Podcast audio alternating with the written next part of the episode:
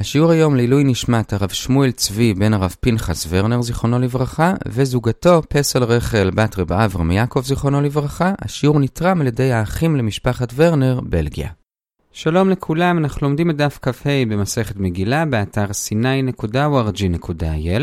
אנחנו מתחילים את הלימוד במשנה השנייה בעמוד הקודם ונסיים בעזרת השם בסוף הפרק בעמוד ב'. השיעור היום יהיה 14 דקות. היום נחלק את השיעור לשני חלקים. בחלק הראשון נדבר על מעשים או אמירות שיש בהם איזו בעיה השקפתית באמונות ודעות. בחלק השני נדבר על קטעים בתורה או בנביא שאנחנו מעדיפים שלא כולם ילמדו או יבינו אותם, כמו שנראה עוד מעט.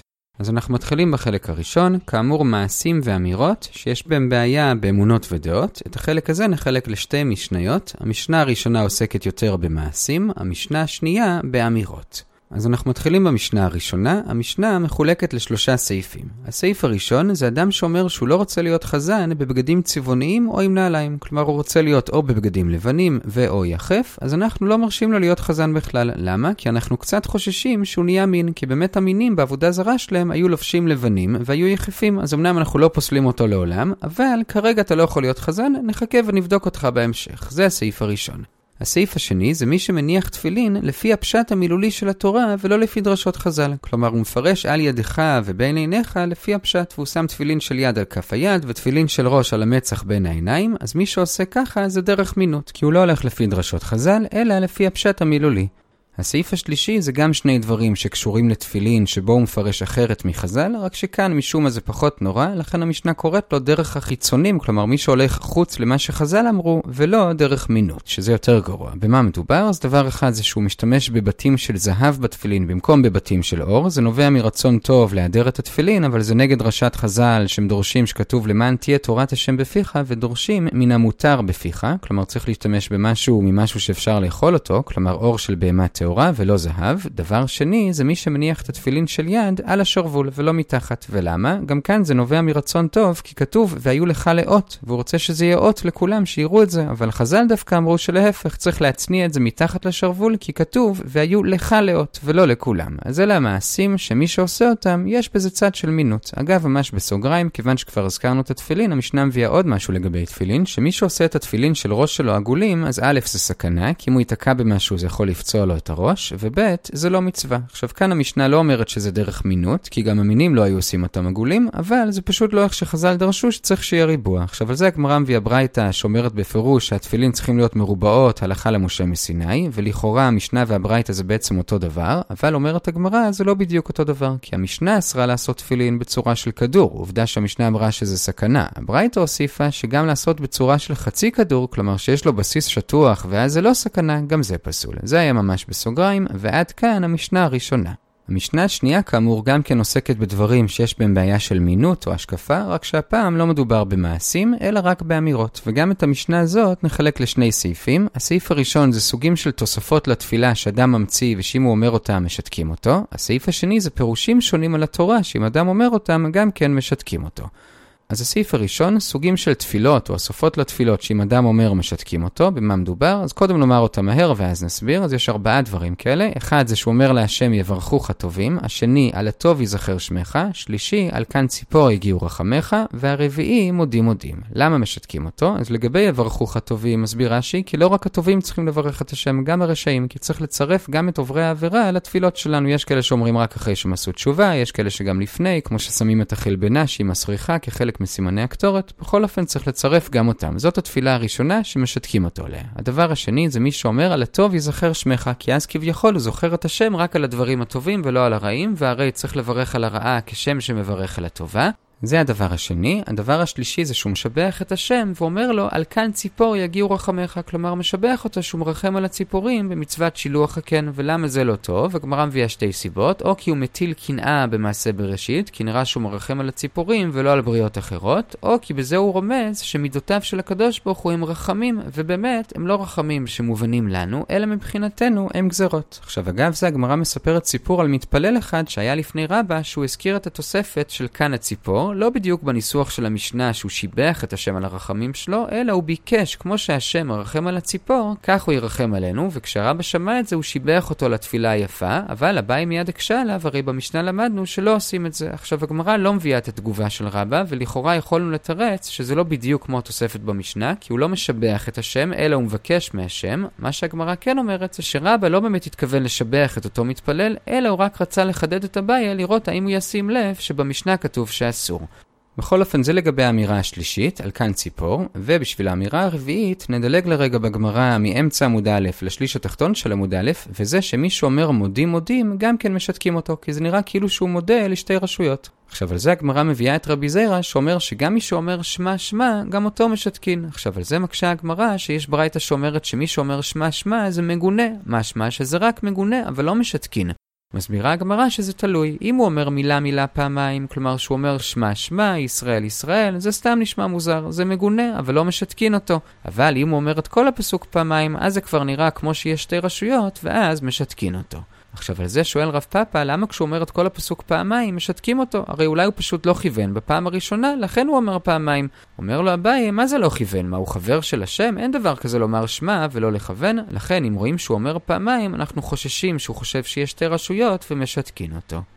עד כאן לגבי ארבע האמירות של התפילה שהמשנה מזכירה שמשתקים אותו, ועכשיו, אגב זה שדיברנו על זה שזה לא טוב להוסיף הוספות מסוימות בתפילה, הגמרא באמצע עמוד א' מספרת סיפור ששם יוצא שבכלל לא טוב להוסיף יותר מדי הוספות בתפילה, גם הוספות שבפני עצמם הם בסדר. הסיפור הוא על אחד שהיה מתפלל בפני רבי חנינא, והוא שיבח את השם ואמר הקל, הגדול, הגיבור והנורא והאדיר והעזוז והירוי, החזק והאמיץ והוודאי והנכבד, וכשרבי חנינא שמע את כל זה הוא אמר לו, זהו, סיימת? מה זה כל השבחים של השם? כלומר, עדיף לא להרבות יותר מדי, כי בזה אתה כביכול מראה שאלה כל השבחים של השם. אלא עדיף לומר רק את מה שחז"ל קבעו לנו, וזה על סמך משה, כלומר לומר הקל הגדול, הגיבור והנורא, ובזה אנחנו עושים מה שאמרו לנו, ולא להוסיף מדעתנו, כי אז צריך להוסיף הכל, והרי אי אפשר להוסיף הכל, אז עדיף לשתוק. כמו מלך שיש לו כלי זהב, ומקלסים אותו בכלי כסף שלו, שזה ביזוי וזה לא כבוד. זה היה הסיפור השני. עכשיו בסוגריים, כיוון שהבאנו את הסיפור הזה, הגמרא מביאה דרשה נוספת של רבי חנינא, שגם שם יש משל קצת דומה, הפעם על משה רבנו, לא על הקדוש ברוך הוא. המשל הוא לגבי הפסוק, ואתה ישראל מה השם שואל מעמך, כי אם ליראה וכולי. על זה אומר רבי חנינא שני דברים. דבר אחד הוא לומד מכאן שהכל בידי שמיים חוץ מיראת שמיים. דבר שני הוא אומר, בפסוק ממשה זה נשמע כאילו שיראת שמיים זה דבר קטן, מה השם שואל ממך? רק תהיה ירא שמיים, אבל הרי לנו זה דבר גדול. אז מסביר רבי חנינא, נכון, באמת לנו זה דבר גדול, אבל למשה רבנו זה היה קטן, כי הרי לא עצמו כן הייתה יראת שמיים, ועכשיו הוא מביא משל שקצת דומה למשל הקודם לגבי המלך והכלי זהב וכסף, הוא אומר זה כמו אדם שמבקשים ממנו כלי גדול, אם יש לו, אז זה נראה לו דבר קטן, מה אכפת לו להביא כלי שיש לו? אבל אדם אחר שיבקשו ממנו אפילו כלי קטן, אם אין לו, אז זה נראה לו כדבר גדול, כך אנחנו עם יראת השמיים היא נראית לנו כדבר גדול, ולמשה רבנו שהייתה לו, זה נראה כדבר קטן. עד כאן לגבי האמירות שהן סוג של שבח ותפילה להשם שמשתקים אותו. עכשיו נראה עוד שתי אמירות שמשתקים אותו, הפעם כי הוא מפרש את התורה לא נכון בזה שהוא חורג מהפשט. במה מדובר? אז הגמרא מביאה שני פסוקים כאלה, פסוק אחד זה לגבי ערוות אביך וערוות אמך לא תגלה, שבמקום הפשט הוא מפרש שהכוונה היא לא לגלות סודות לא נעימים על אבא ואמא שלו, פסוק שני זה ומזרעך לא תיתן להעביר למולך, שבמקום הפשט הוא מפרש שאסור לבוא על גויה ולעבר אותה, אז בשני הפירושים האלו משתקים אותו. עד כאן החלק הראשון של השיעור לגבי מעשים ואמירות שיש בהם בעיה אמונית. החלק השני זה במשנה בתחתית עמוד א', כיוון שהזכרנו בימיים האחרונים את זה שיש קריאה בתורה, ושיש קריאה בהפטרה, ושיש תרגום, עכשיו נראה במשנה ובגמרא שלא כל דבר קוראים ולא כל דבר מתרגמים. עכשיו נראה במשנה ובגמרא שיש דברים שאנחנו לא רוצים שכולם ידעו עליהם, ואפשר לחלק את התורה ואת הנביא לשלוש רמות. רמה ראשונה זה דברים שכולם יכולים לדעת, ולכן גם קוראים אותם וגם מתרגמים אותם, שכולם יבינו. רמה שנייה זה דברים שאנחנו לא רוצים שעמי הארץ ידעו, אבל שאר האנשים כן, ולכן קוראים אותם, אבל לא מתרגמים, וכך עמי הארץ לא יבינו. ורמה שלישית זה דברים שאנחנו רוצים שכמה שפחות ידעו עליהם, רק אנשים שבאמת לומדים תורה, אז אותם אפילו לא קוראים. עכשיו כמובן שצריך להבדיל כאן בין תורה לבין נביא. בתורה הרי צריך לקרוא בסופו של דבר את כל התורה, לכן בתורה ודאי שנהיה או ברמה הראשונה או בשנייה, כלומר מקסימום לא נתרגם, אבל אין דבר כזה לא לקרוא בכלל. בנביא לעומת זאת לא צריך לקרוא את כל הנביא, פשוט צריך לבחור קטע לכל הפטרה, ולכן יש דברים שבכלל לא קוראים אותם, כי עדיף שלא כולם ידעו עליהם. אלה שלוש הרמות, ועכשיו נראה רשימה של קטעים בתורה ובנביאים, במשנה ובברייתא, ונראה איזה קטע בכל רמה. כלומר, איזה קטע קוראים ומתרגמים, איזה רק קוראים אבל לא מתרגמים, ואיזה לא קוראים בכלל. נפרט את הדברים לפי הסדר בברייתא. אז אנחנו מתחילים ברמה הראשונה, דברים שקוראים ומתרגמים אותם, כשהגמרא תסביר על כל אחד מהדברים מה החידוש, כלומר למה שנחשוב שלא מתרגמים. אז הדבר הראשון זה מעשה בראשית שקוראים ומתרגמים. החידוש הוא שהיינו אולי חוששים שמי שישמע את זה יתחיל לשאול שאלות פילוסופיות מדי, מה למעלה, מה למטה, מה היה לפנים, מה יהיה לאחור, ויש משנה בחגיגה שאומרת שמי ששואל את השאלות האלו ראוי לו כאילו לא בא לעולם, כי לא כל אחד יכול לדון בשאלות כאלה, ממילא אולי היינו צריכים לחשוש, כמה שמלן שלא חוששים. כנראה שאנחנו רוצים שכולם ידעו על בריאת העולם, והתועלת של זה גדולה מהחשש. הדבר השני שקוראים ומתרגמים זה סיפור לוט ושתי בנותיו. היינו חושבים שאולי לא נתרגם בגלל כבודו של אברהם, שהוא הדוד שלהם, כמה שמלן שלא חוששים, רבנו בחיי מסביר כי הרי הם התכוונו לטובה, והראיה שמהבת הגדולה יותר יצא דוד. הדבר הבא זה הסיפור של תמר ויהודה, היינו חושבים אולי לא לתרגם בגלל כבודו של יהודה, כמה שמלן, כי הרי בסוף הוא חזר בתשובה והודה. הדבר הבא זה מעשה העגל. כאן הברייתא מחלקת בין מעשה העגל הראשון לעגל שני. מה הכוונה? הכוונה היא לחלוקה בין החלק הראשון של הסיפור לבין החלק השני. החלק הראשון זה בשמות ל"ב מתחילת הפרק ועד פסוק כ', שם מתואר כל מה שקרה עם העגל ושמשה זורק את הלוחות ושורף את העגל באש. זה עד פסוק כ', ואת זה כן קוראים וכן מתרגמים, והגמרא מסבירה מה החידוש בזה, כי היינו חושבים שאולי מפני כבודם של ישראל לא נתרגם פרשייה שמדברת על חטא כזה גדול של עם ישראל, כמה שמלן שלהפך עדיף לקרוא. ולמה? אז רש"י אומר שעל ידי הקריאה והביזיון שבקריאה יש עוד כפרה. תפארת ישראל אומר שעל ידי הקריאה אנחנו רואים שאפילו על חטא כזה גדול אפשר לעשות תשובה ולכפר. בכל אופן זה החלק הראשון של הסיפור. החלק השני של הסיפור זה מפסוק כ"א ועד פסוק כ"ה, ששם משה מדבר עם אהרון ושואל אותו איך זה קרה. ואז אהרון אומר בפסוק כ"ד, ואומר להם למי זהב התפרקו, ויתנו לי ואשליכהו באש, ויצא העגל הזה. ואז בפסוק כ"ה, וירא משה את העם כי פרוע הוא, כי פרעו אהרון לשמצה בקמיהם. זה החלק השני של הסיפור. ולגבי זה אומרות המשנה והברייתא, שאת זה קוראים, אבל לא מתרגמים. למה? אז לפי רש"י, בגלל פסוק כ"ד, שאהרון אומר, והשליחהו באש ויצא העגל הזה, משמע שהיה פה כן איזשהו נס, שהעגל יצא מעצמו, אז זה יכול לתת לאנשים לטעות ולחשוב שכן יש איזה שהם כוחות אלוקיים בעגל, ובאמת הגמרא מביאה ברייתא, ששם אומר רבי אלעזר, לעולם יהיה האדם זהיר בתשובותיו, כי אהרון כנראה לא נזהר מספיק בניסוח של התשובה שלו, וזה גרם לאנשים לטעות, כמו שאמרנו. לפי תוספות, הבעיה בפסוקים האלו זה לא מה שאמרנו עכשיו, אלא הפסוק הבא, ששם כאמור כתוב, כי פרעו אהרון לשמצה כמיהם. משמע שהפסוק באמת מאשים את אהרון, לכן לא מתרגמים את זה מפני כבודו של אהרון. עד כאן לגבי חטא העגל. הדבר הבא שקוראים ומתרגמים זה פרשיות הקללות והברכות בבחוקותיי ובכי תבוא. היינו חושבים אולי לא לתרגם בשביל לא להחליש את העם ולהפחיד אותו מדי, כמה שמלן שבכל זאת זה חשוב ומתרגמים. הדבר הבא זה דומה לזה, אזהרות ועונשים, אבל לא לכל העם, אלא לאנשים פרטיים שחוטאים, למשל עונשי מיתה על חטאים מסוימים, גם את זה קוראים ומתרגמים, כשהחידוש הוא שהיינו חושבים שאולי לא לתרגם את זה בשביל שלא יעשו רק מיראת העונש, אלא יעשו מאהבה, כמה שמלן שגם את זה מתרגמים, גם זה חשוב. שני הדברים הבאים זה שני דברים שקשורים לדוד, וזה מעשה אמנון ותמר, שאמנון אנס את תמר, שהיא אחותו מאבא, מדוד, ושאבשלום מרד באבא שלו בדוד. אז לגבי מעשה אבשלום, הברייתא פשוט אומרת שקוראים ומתרגמים, והחידוש הוא שלא חוששים בזה לכבודו של דוד. לגבי מעשה אמנון ותמר, יש סתירה. בתחילת הברייתא כתוב שקוראים ומתרגמים, בסוף הברייתא, לפי הגרסה של הגר"א ובמשנה שלנו, כתוב שקוראים אבל לא מתרגמים. מתרצת הגמרא, באמת קוראים ומתרגמים את כל הפרשייה, חוץ משתי מילים, בן דוד. אנחנו לא רוצים להדגיש לעמי הארץ שאמנון היה בן של דוד, מפני כבודו של דוד. והדבר הבא זה סיפור פילגש בגבעה, גם כאן היינו חושבים לא לתרגם בגלל כבודם של שבט בנימין, כמה שמלן שלא חוששים לזה, אולי בגלל הסיבה שאמרנו בחטא העגל שכן קוראים, כי אנחנו מגבירים בזה את הכפרה. ולגבי הדבר האחרון ברמה הזאת שקוראים ומתרגמים, יש מחלוקת, וזה לגבי נבואות שמספרות על החטאים של עם ישראל. למשל ביחזקאל ט"ז, הודה את ירושלים את תועבותיה. לגבי זה הברייתא אומרת שקוראים ומתרגמים. מתרגמים, אולי בגלל אותה סיבה שהזכרנו להגביר את הכפרה על ידי הביזיון שבזכירת החטאים. לעומת זאת רבי אליעזר אומר שמפני כבודם של אנשי ירושלים לא מתרגמים את זה, והברייתא מביאה סיפור שכשרבי אליעזר היה בבית כנסת, מי שקרא את ההפטרה החליט דווקא לקרוא את זה, אמר לו רבי אליעזר, עד שאתה בודק בתועבות ירושלים, צא ובדוק בתועבות עמך. ובאמת בדקו ומצאו שהוא היה ממזר, ובזה הוא מראה שמי שאוהב לחפש פגמים אצל אחרים, כנראה שבו עצמו יש את אותו הפגם. עד כאן הדברים שקוראים ומתרגמים, נאמר אותם עוד פעם מהר. בראשית, סיפור לוט ושתי בנותיו, תמר ויהודה, עגל הראשון בניגוד לעגל השני, קללות וברכות, אזהרות ועונשים, הסיפור של אמנון ותמר בלי לומר בן דוד, והסיפור של אבשלום, פילגש בגבעה, והודה את ירושלים את תועבותיה לפי תנא קמא, בניגוד לרבי אליעזר. הרשימה הבאה זה דברים שקוראים, אבל לא מתרגמים. אז חלק מהם כבר הזכרנו, וזה עגל השני ובן דוד בסיפור של אמנון ותמר. חוץ משני אלה יש עוד שני דברים, וזה של ראובן שכתוב שהוא שכב את פלהה, וחז"ל מסבירים שהוא בלבל את יצואי אביו. לא ניכנס לזה כאן, בכל אופן בגלל כבודו של ראובן לא מתרגמים את זה. ודבר נוסף זה ברכת כהנים. ולמה? כי בברכת כהנים כתוב, יישא השם פניו אליך, וזה יכול לגרום לאנשים לטעות, הרי כתוב על השם אשר לא יישא פנים ולא ייקח שוחד, אז איך פתאום השם נושא פנים לישראל? אז כמובן שיש לזה תשובות, ואנחנו לא רוצים לסבך את עמי הארץ עם שאלות כאלה, ולכן פשוט לא מתרגמים. אז אלה הדברים שקוראים ולא מתרגמים. שוב, מעשה ראובן ברכת כהנים, עגל השני והמילים בן דוד בסיפור של אמנון ותמר.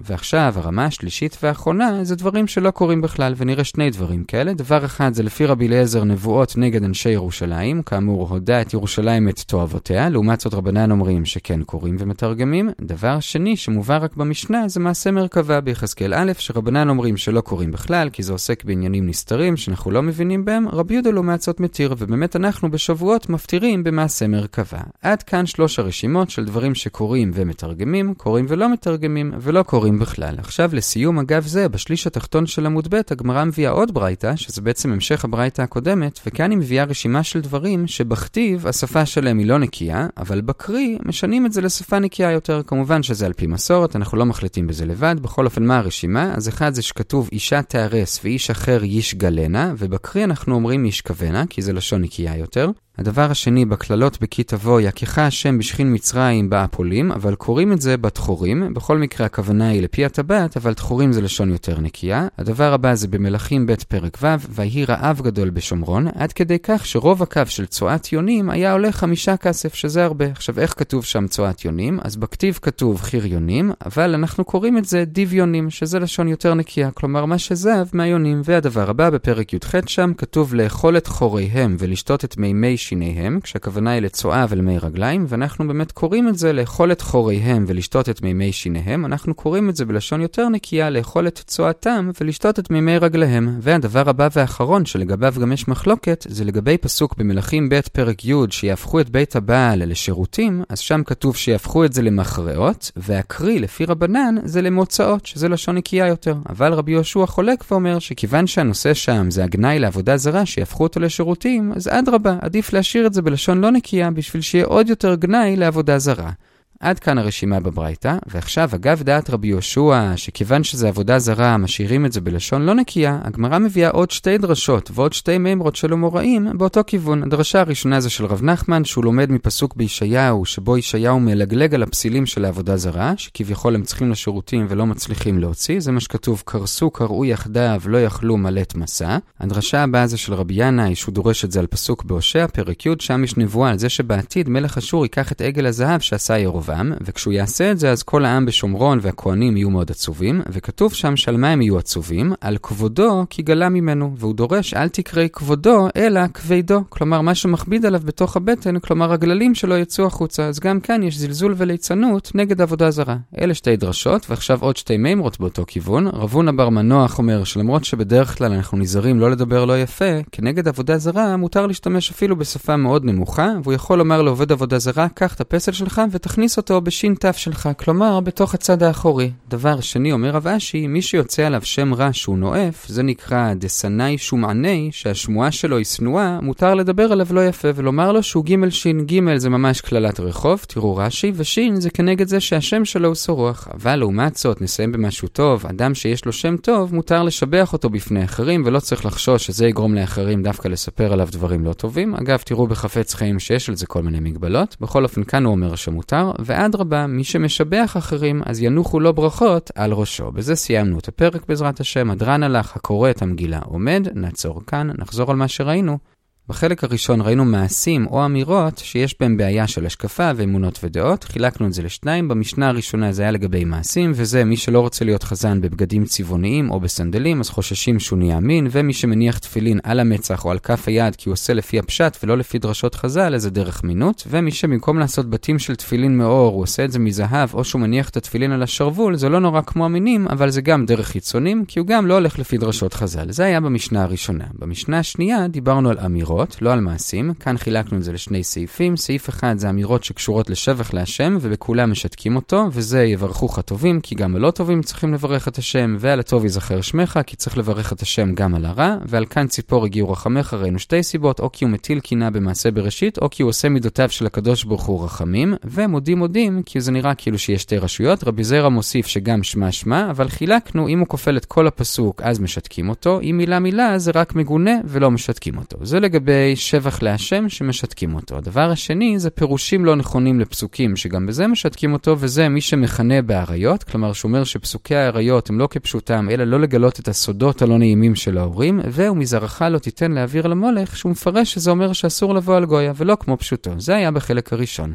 בחלק השני ראינו דברים שקוראים ומתרגמים, דברים שקוראים ולא מתרגמים, ודברים שלא קוראים בכלל. הדברים שקוראים ומתרגמים, הסברנו מה החידוש בכל אחד, זה מעשה בראשית, לוט ובנותיו, יהודה ותמר, עגל הראשון, כלומר החצי הראשון של הסיפור, קללות וברכות, אזהרות ועונשים, מעשה אמנון ותמר, אבל לא מתרגמים את החלק שבו כתוב שהוא בן דוד, ומעשה אבשלום, פילגש בגבעה, והודה את ירושלים את תועבותיה, לפי רבנן, לפי רבי אליעזר לא קוראים את זה בכלל, בגלל כבודם של אנשי ירושלים, אלה הדברים שקוראים ומתרגמים. מתרגמים. הדברים שקוראים ולא מתרגמים זה מעשה ראובן וברכת כהנים, עגל השני, כלומר החצי שבו משה מדבר עם אהרון, וכאמור, איפה שכתוב באמנון ותמר, שאמנון הוא בן דוד, והדברים שלא קוראים בכלל זה הודע את ירושלים את תועבותיה לפי רבי אליעזר, ורבנן אומרים שגם לא מעשה מרכבה, אבל רבי יהודה מתיר, ובאמת אנחנו קוראים את זה בשבועות. זה עיקר החלק השני. אגב, זה ראינו את המשך הברייתא, ושם יש רשימה של ארבע דברים שהכתיב שלהם הוא בלשון לא נקייה, ולכן הקריא הוא בלשון נקייה. למשל, ואיש אחר ישגע ישגלנה, הקריאו ישכבנה. הדבר האחרון היה לגבי עבודה זרה, שיהפכו אותם לבתי כיסא, הכתיבו למוכרות, לפי רבנן קוראים את זה למוצאות, לפי רבי יהושע לא צריך, כי כיוון שזה גנאי של עבודה זרה, אז דווקא טוב לדבר בלשון לא נקייה. ולגבי זה הגמרא הביאה עוד שתי דרשות, אחת על ישעיהו ואחת על הושע, שגם כן דיברו כנגד עבודה זרה בלשון של ליצנות וזלזול, אמרו שכאילו יש צואה בתוך הפסלים של העבודה זרה, ועוד שתי מימות בעניין הזה, שכשרוצים לרדת על חוטאים, אפשר ממש לקלל אותם בשפת רחוב, אבל לסיום הבאנו שלאנשים אנשים טובים צריך לברך אותם, ומי שעושה את זה ינוחו לו ברכות על ראשו. כל הטוב.